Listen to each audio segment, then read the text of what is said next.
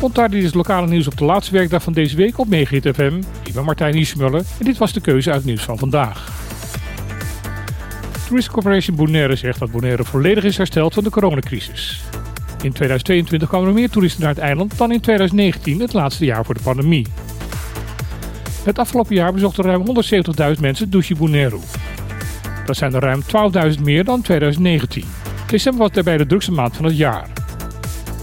Het aantal toeristen dat uit Europees Nederland komt is na de COVID-crisis flink gestegen. Meer dan de helft van de bezoekers komt tegenwoordig uit het Europese deel van het Koninkrijk. In deze ranglijst staat Noord-Amerika op de tweede plek en Curaçao op een derde.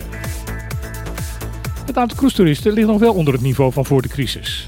De verwachting is dat dit ook zo zal blijven omdat het beleid rondom de cruiseschepen is veranderd. Was het in 2019 bijna norm dat er in het hoogseizoen twee schepen tegelijk lagen afgemeerd? Kort geleden heeft havenmeester Flenneke aangekondigd dat dit vanaf april dit jaar niet meer zal voorkomen. Daarin verschilt het beleid op Bonaire duidelijk met bijvoorbeeld Sint Maarten.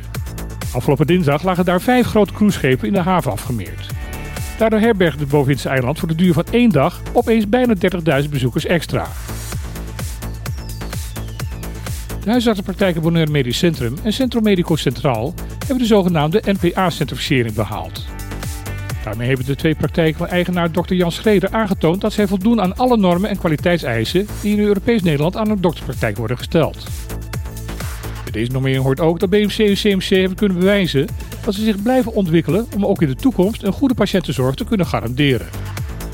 BMC en CMC zijn de eerste dokterspraktijken die in Caribisch Nederland dit keurmerk hebben weten te behalen. Op Curaçao blijft de soapopera rondom de overname van de Israël-raffinaderij maar doorgaan. Een paar weken geleden werd er bekend dat de belangrijkste kandidaat voor de overname, Greenwind Petroleum Refinery, vervalste documenten had aangeleverd. Het zal daarbij vooral gaan om stukken die moeten aantonen dat CPR voldoende kapitaal bezit om het overnamebedrag te kunnen betalen. Maar de stukken van een belangrijke Engelse investeringsbank bleken niet authentiek te zijn.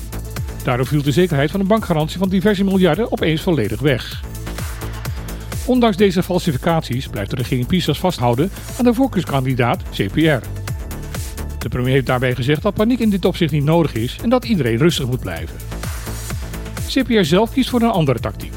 In plaats van proberen uit te vinden hoe het kan dat zij vervalste papieren hebben aangeleverd, richt het bedrijf zich op de vraag hoe deze vertrouwelijke papieren hebben kunnen uitlekken naar de pers. In een brief aan premier Pisas zegt de directie van het bedrijf daarvoor steun te krijgen van US Intelligence Agencies. Daarmee wordt gesuggereerd dat de Amerikaanse overheid hier zich mee is gaan bemoeien. Daarop volgden vele gefronste wenkbrauwen bij de Curaçaose pers en politiek. Intussen heeft gisteren CPR in de brief moeten toegeven dat het hierbij niet gaat om Amerikaanse overheidsinstellingen, maar over privédetectives. Soms kan een reactie van de Tweede Kamer in Nederland heel lang op zich laten wachten. Soms staan de Kamerleden te trappelen om over een onderwerp in discussie te gaan. Dit laatste is het geval met de officiële slavernij-excuus dat op 19 december jongsleden werd uitgesproken door premier Rutte.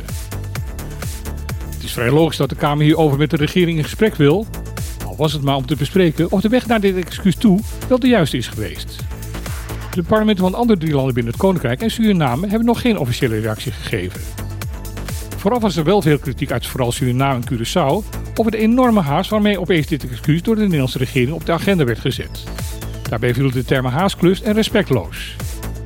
Het lijkt vrij logisch dat de Tweede Kamer nu een officiële reactie van de andere vier parlementen zal afwachten voordat zij met de regering hierover in discussie gaat. Dat geduld blijkt de Tweede Kamer in dit geval niet te kunnen opbrengen. Aanstaande woensdag zal een plenair debat in de Tweede Kamer gehouden worden in bijzijn van premier Rutte en de minister van Binnenlandse Zaken en Koninkrijksrelaties, Bruin Slot. We zullen dan hopelijk ook horen waarom dit debat niet kon worden uitgesteld. Dit was weer het laatste nieuwsbulletin van deze week. Morgen is van 12 tot 2 op te klippen op deze zender. Tafelgast zal dan zijn Rolanda Makai, de nummer 2 op de lijst van de oppositiepartij PDB. Wanneer je morgen gaat luisteren, dan weer heel graag tot morgen. En anders, tot maandag.